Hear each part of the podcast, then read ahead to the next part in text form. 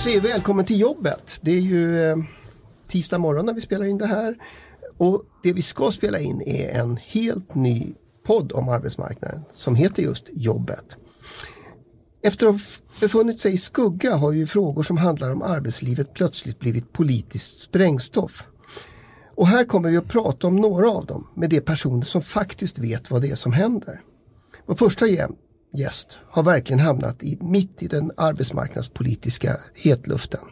Statssekreterare Roger Mörtvik från Arbetsmarknadsdepartementet. Välkommen! Tack! Eh, jobbet är ett samarbete mellan Aftonbladets ledarredaktion och tidningen Dagens Arbete. Därför har jag också med mig Dagens Arbetes chefredaktör Helle Klein. Välkommen tillbaka får jag väl säga till dig. Ja, tack så mycket. Själv heter jag Ingvar Persson och skriver om bland annat arbetsmarknad på Arbets, eh, Aftonbladets ledarsida. Då sätter vi igång. Ja. ja, som sagt det här är ju otroligt spännande tider just nu på arbetsmarknadspolitikens område. Och eh, just i dagarna så debatteras ju en fråga som både Aftonbladets ledarsida och även Dagens Arbete har gjort väldigt mycket journalistik om under många år, nämligen det här som sker ute på arbetsmarknaden med migrantarbetare som utnyttjas eh, på ett förfärande sätt, eh, hur kriminella ligor blir företagare eh, och hur det har uppstått en sorts vilda västern på arbetsmarknaden. Och där vet jag att eh, det pågår nu poli politiska förslag och där skulle vi vilja höra, ni kallar till presskonferens eh, faktiskt idag där arbetsmarknadsministern ska säga något. Vad ska hon säga då? Ja, det kan ju eh, säga nu då. Ja. Eh, eftersom det inte lämnade detta rummet innan presskonferensen. Nej, men vi kommer vidta ytterligare åtgärder för att stävja fusket och missbruket. Och vi kommer idag, statsrådet kommer då avisera en eh, en person som kommer att särskilt utreda hur eh, detta kan gå till, hur myndigheten kan samverka ännu bättre. Mm. Vad är liksom, för det man ser nu, det är ju många ministrar ute nu i de här frågorna. Mikael Damberg som är inrikesminister var ute före jul, också tillsammans med Eva Nordmark som var arbetsmarknadsminister. Justitieminister Morgan Johansson var ute och skrev en debattartikel med januaripartierna, Centern och Liberalerna och, och, och Miljöpartiet. Eh, och eh, liksom, vem har egentligen ansvaret i den här frågan? Man kan säga att det här är en fråga som berör flera statsråd. Eh, just med tanke på det du inledde med. Det här är ingenting, det här problemet med skuggsamhälle som har vuxit fram där eh, människor utnyttjas och, och på, på, allra värsta sätt handlar ju inte bara om hur arbetsmarknaden fungerar och, utan det handlar också om eh, ren och skär kriminalitet där eh, ibland maffialiknande organisationer, kriminella grupper utnyttjar människor. Och då är det en fråga om, om eh, brott som ska beivras. Och, men det handlar också om hur, hur eh, till exempel eh, Skatteverket kan fungera. Och när man börjar gräva i de här frågorna så blir det alldeles uppenbart att det berör så många delar av samhället så att det måste inbegripa väldigt, väldigt många statsråd. Och då är det centralt att, att det finns en samverkan mellan departementen. Normalt kan man säga i regeringskansliet så jobbar man ju väldigt eh, stuprörsaktigt med frågorna. Ja, det var det jag Men, tänkte, har det varit för lite helhetssyn i de här frågorna? Liksom? Jag tror att det har varit för lite helhetssyn ja. och det, det, är precis det vi börjar göra nu. Vi börjar se det här som en hängränna där flera olika departement och, och politikområden måste samverka för att det ska fungera. Mm. Men hur, hur har det kunnat gå så här långt? Det här har inte varit någon hemlighet. De här frågorna har i olika varianter och kring olika teman så har de ju ändå diskuterats åtminstone de snart 20 år som jag har skrivit om de här frågorna. Mm. Ja, det är en bra fråga. Eh, jag har ju följt eh, frågorna kanske ännu längre också och mm. sett att det här har varit på tapeten. Men jag tror att det, det som har hänt delvis en, en eh, utveckling med, med, med fler länder i, i EU, ökad rörlighet. Vi ser personer som kommer från större delar av världen men vi ser också att att det här har vuxit och blivit en, en större fråga och, och, blivit mycket mer synligt. Och inte minst på grund av att eh, eh, media har börjat uppmärksamma det här på ett mycket eh, tuffare sätt, sätt som gör att det synliggörs. Eh, men jag tror också att det, nu hamnar vi i ett läge där vi det här griper in också i, i många andra frågor som vi eh, må, måste hantera, nämligen en växande gängkriminalitet, eh, skjutningar. Så det här hänger ihop med att eh, vi, vi måste ta i mycket tuffare mot eh, framförallt kriminella grupper i samhället. Och eftersom det här också berör eh, den kriminaliteten. Det, ibland göder det till och med den kriminaliteten. Eh, så har det här också fått en större politisk tyngd. Det är så intressant att du använder ordet kriminalitet och ni, du och eh, arbetsmarknadsministern pratar ofta om arbetsmarknadskriminalitet. Men när man lyssnar på justitieministern och då är, eh, den debattartikel som gick ut häromdagen så pratar man inte ett dugg om arbetslivskriminalitet. Utan nu handlar det om att kolla över arbetskraftsinvandringens regler och om man ska försörjningsbidrag och sådär. Ja, har ni olika syn på det i regeringen? Eh, det, det, tror jag inte, utan jag tror att det här är egentligen två också separata frågor. Eh, arbetslivskriminaliteten handlar ju inte i första hand om arbetskraftsinvandring. Eh, utan det, det, handlar om människor som ofta är här illegalt, eh, eh, som, som lever under samhällets radar, som, som, som utnyttjas och missbrukas. ofta kan det vara så att de eh, har jobb med eh, usla arbetsmiljöförhållanden, eh, nästan obefintliga löner, tvingas bo på jobbet, eh, saknar allt skyddsnät som finns. Eh, då handlar det inte om arbetskraftsinvandrare utan det handlar om personer som bara missbrukas. Ibland är det ren människosmuggling som vi ser till och med. Och det är arbetsgivare som då missbrukar detta? Då finns det oseriösa arbetsgivare, ibland till och med kriminella arbetsgivare. Men jag måste också säga att eh, absoluta merparten av arbetsgivarna sköter sig, är jätteduktiga men drabbas också av det här. Det är för att om vi inte tar tag i det här så riskerar vi också en osund konkurrens där, där eh, sunda eh, arbetsgivare som, som eh, vill bedriva en, en bra verksamhet riskerar att konkurreras ut av aktörer som, som eh, eh hanterar eh, till exempel illegal arbetskraft. Men arbetskraftsinvandringsfrågan, den är ju en mycket större fråga eh, som också handlar om att lösa faktiska problem med kompetensbrist och eh, hantera kompetensförsörjningen i Sverige. Så det är ju, den är ju inte alls eh, en kriminalitetsfråga, arbetskraftsinvandringen. Så jag tror inte man ska blanda ihop de men, frågorna. Men om vi, ändå, om vi ändå, utan att blanda ihop dem, ändå får lyfta den frågan eftersom den är politiskt sprängstoff.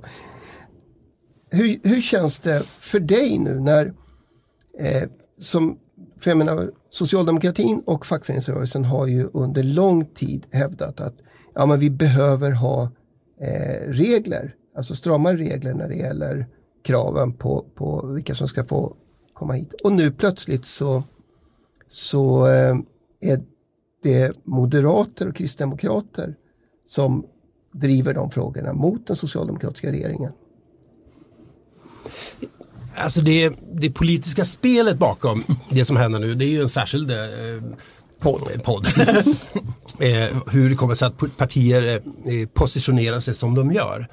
Eh, jag, jag, tror det är viktigt att, att, se det här. Att vi befinner oss i ett läge också där, där regeringen eh, har ett samarbete med två partier, med Centern och Liberalerna, eh, som, som eh, skapar grunden för det regeringssamarbete vi har.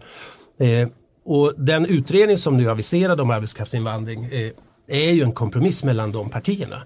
Eh, som jag tycker landar väldigt bra. Därför att eh, oavsett hur man ser på den här frågan så, så, så, kan vi konstatera att vi har idag eh, en, en, stark kompetensbrist i, i många sektorer på arbetsmarknaden. Där vi faktiskt behöver arbetskraftsinvandring eh, för att hantera dynamiken på arbetsmarknaden. Och det handlar till exempel om det, det vi ser det är vanligt i, i IT-relaterade eh, jobb. Det är restaurangbranschen eller kockar till exempel. Eh, det finns vissa säsongs, eh, eh starkt säsongsvarierande branscher där det är nödvändigt.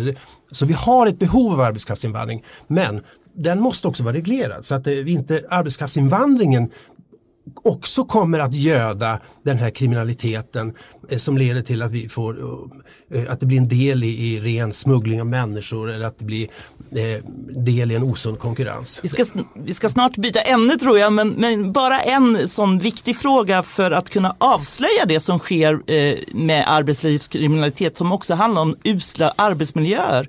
Handlar ju om regionala skyddsombudens möjlighet att komma in på arbetsplatser. Där har vi ju hört nu rätt länge, ända sedan Ylva Johanssons tid som arbetsmarknadsminister, att det ska komma fram något förslag där. När kommer det? Ehm, det kan inte jag svara på exakt men det pågår intensiva diskussioner kring den frågan. Det har pågått rätt länge. Ja, eh, men det handlar också om att eh, eh, få, få ett tillräckligt brett politiskt stöd för det som ska göras. Men regeringen är, är oerhört tydlig med att det här är ett, ett centralt område, att det måste fungera. Men kommer det något förslag i år då? Det hoppas jag.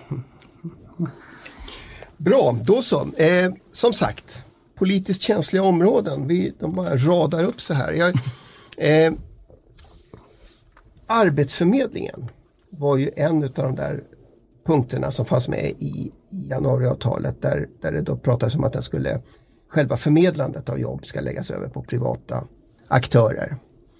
Eh, sen kom ett, eh, ett budget, Eh, förra årets budget och det innebar stora nedskärningar på Arbetsförmedlingen och sen har den då varit en politisk stridsfråga. Eh, vad händer nu? Ja, det som händer nu är att vi eh, i, strax före jul eh, eh, svarade egentligen mot det som var riksdagens eh, eh, underliggande hot om ett misstroende med ett brev som ställdes till Moderaterna och Kristdemokraterna. Och i det brevet så, eh, så slog vi fast egentligen två eh, förändringar. Den, den, ena är att vi justerar tidplanen och skjuter fram reformen ett år för att få tid att eh, eh, kvalitetssäkra och säkerställa att det här eh, kommer ske på ett så bra sätt som, som vi har ambition att göra det på. Det andra var att vi också sa att eh, reformen ska inte huvudsakligen vila på lagen om valfrihetssystem, alltså LOV, eh, utan det är den upphandlingsform som är mest ändamålsenlig, den som ska användas. Och det som nu eh, pågår det är ett eh, grundläggande reformarbete eh, som har sin bas i på arbetsmarknadsdepartementet. Det till och med har tillsatt en, en särskild stab eller ett kansli på departementet som bara jobbar med, med reformeringen. Nära samarbete med eh, Arbetsförmedlingen naturligtvis som ska bistå med eh, uppgifter och analyser. Men där vi löpande i princip varje vecka har diskussioner och konkreta förhandlingar med våra samarbetspartier. För att det här är ju så många delfrågor som måste betas av. Allt ifrån hur vi ska styra myndigheten mot vilka mål, hur vi ska hantera frågan om funktionsnedsattas roll, samverkan med kommunerna, hur vi ska se till att vi får en fungerande lokal närvaro i hela landet eh, där eh, arbetssökande och arbetsgivare faktiskt kan träffa Arbetsförmedlingen och ha fysiska möten. Så att det, det är ett eh, grundläggande arbete som pågår vecka för vecka. Blev, blev reformen bättre av de här förändringarna? Reformen har inte ens påbörjats.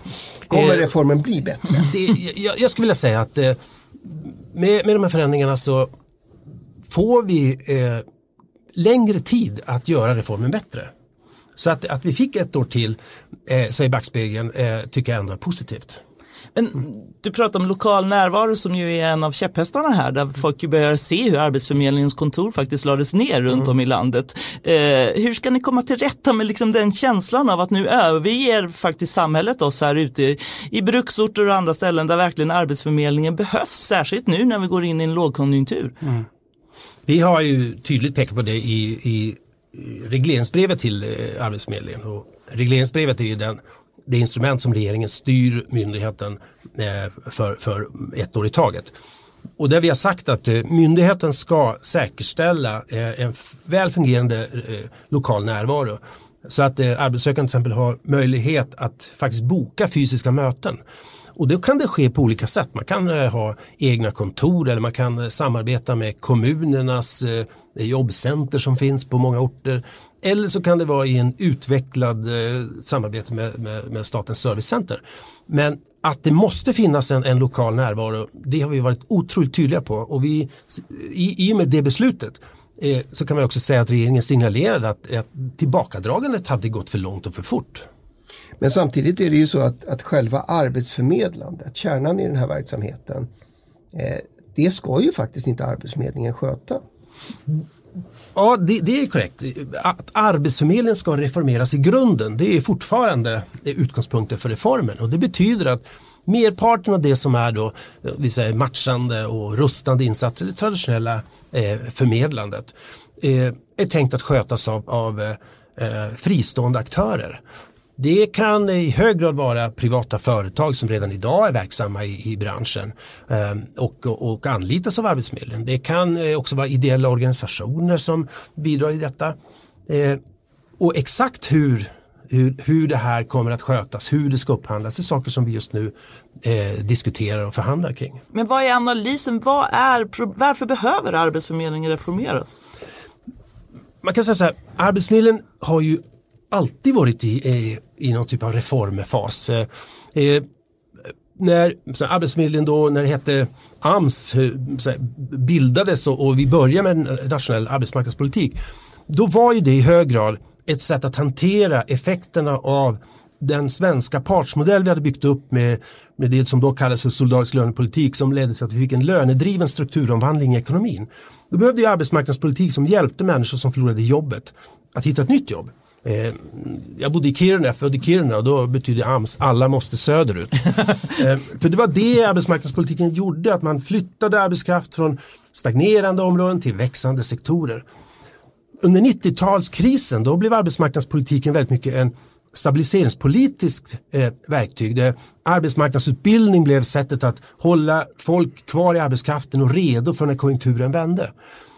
Nu har vi en helt ny utmaning som består i att mer än 70% av alla som är inskrivna på Arbetsförmedlingen är till utsatta grupper. De är funktionsnedsatta, har dåliga språkkunskaper, svag utbildning, står långt ifrån arbetsmarknaden.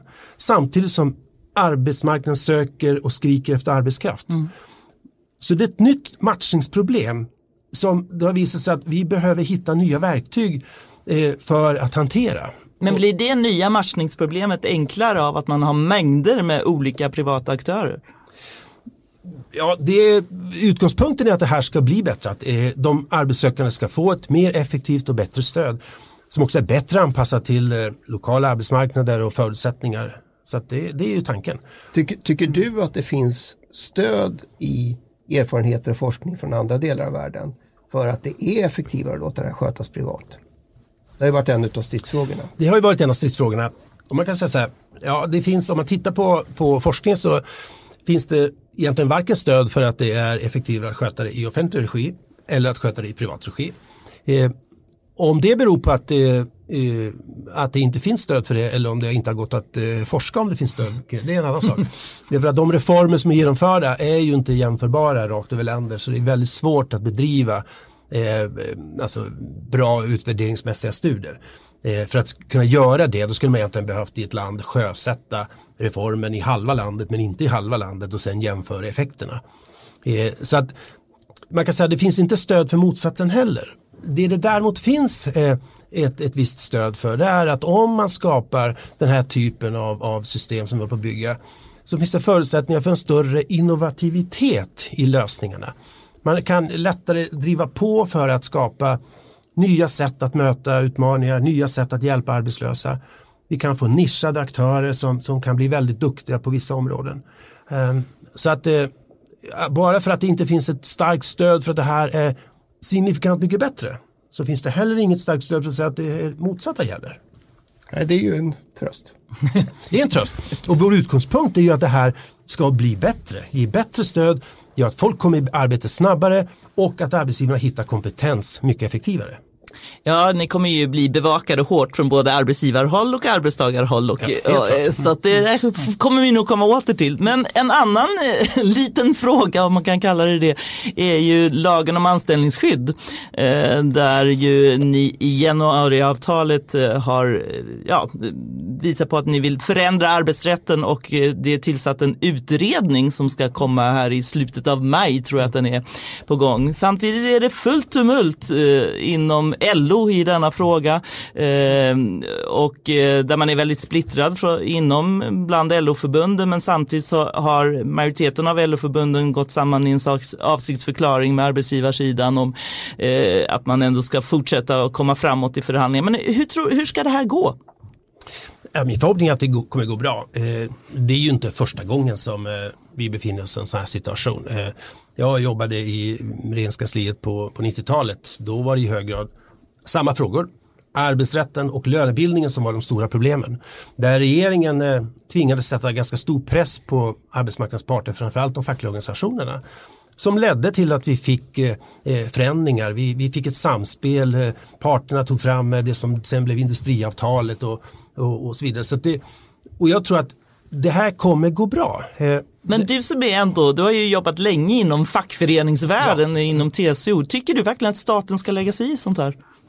Alltså det, det, har alltid varit så att det har varit ett samspel mellan staten och parterna. Men staten ska inte ta över parternas roll. Eh, men det har, i, i he, hela den svenska modellens historia har det varit så att staten har varit draglok ibland, partsystemet har gått före ibland. Det, men vi måste samtidigt veta att det här är otroligt känsliga frågor där balansen mellan parterna på arbetsmarknaden är, är central att upprätthålla. Eh, och det innebär att ökar man flexibiliteten på ett område så måste man öka tryggheten på något annat område. Och, och här nu förs till exempel en diskussion kring är det så att tryggheten i den här, nya framväxande arbetsmarknaden i allt högre grad måste bygga på, på den kompetens du har, den anställningsbarhet du har i nästa jobb. Eh, är det mycket viktigare?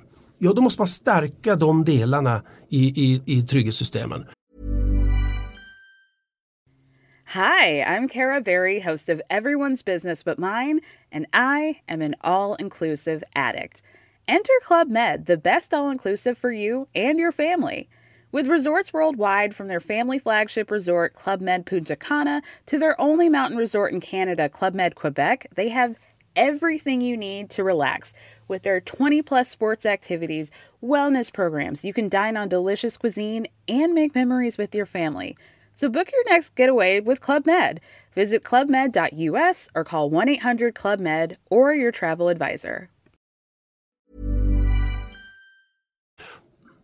Och skapar det då möjligheter till en ökad flexibilitet för arbetsgivarna?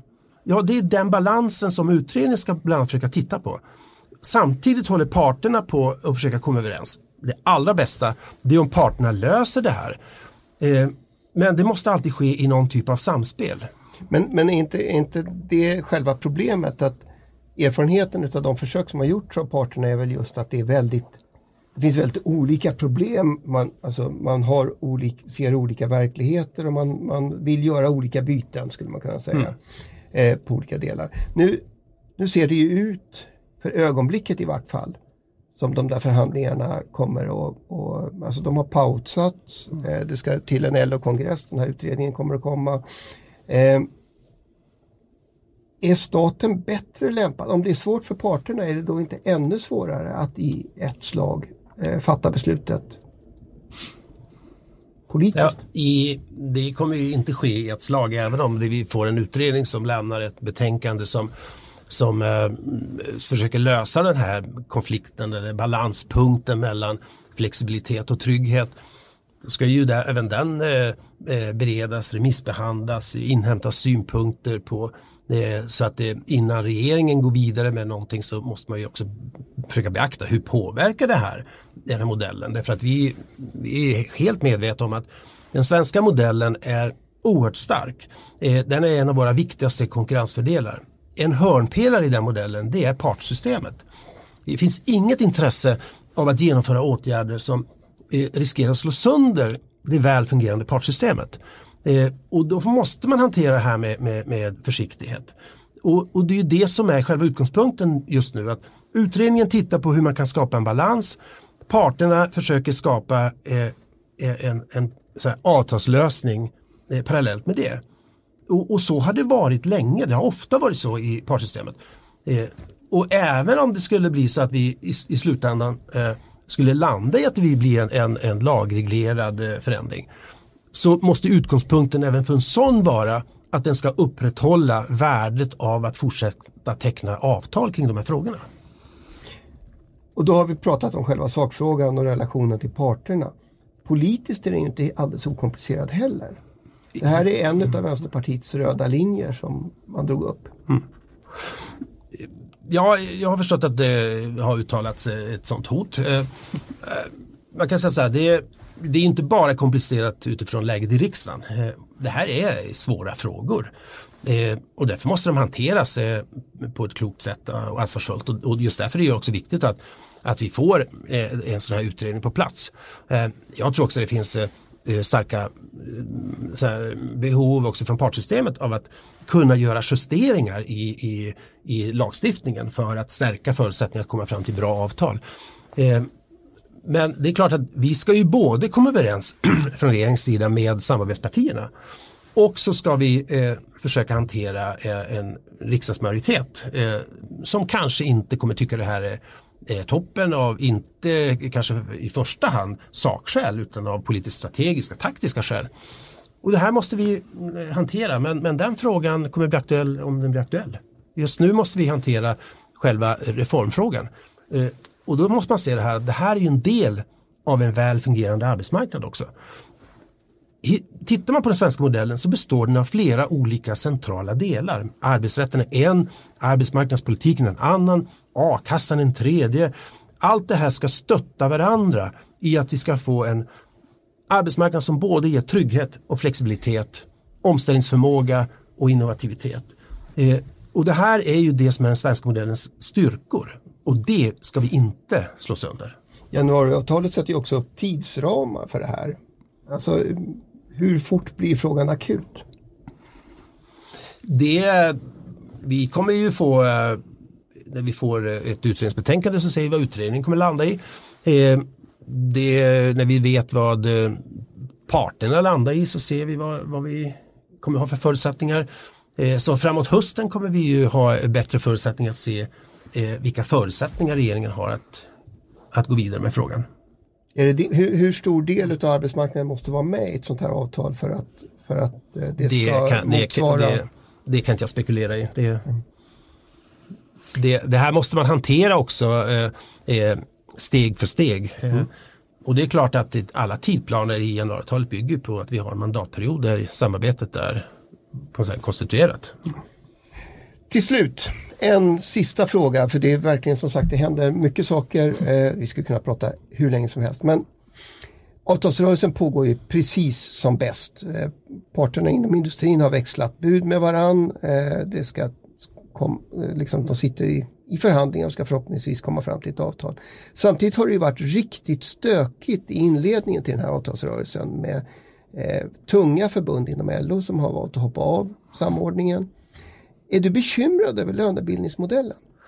Eh, nej, inte alls. Eh, jag, har, eh, jag är så luttrad. Jag har varit eh, med och hanterat och följt de här frågorna både från politiskt håll och fackligt håll i, i 30 års tid.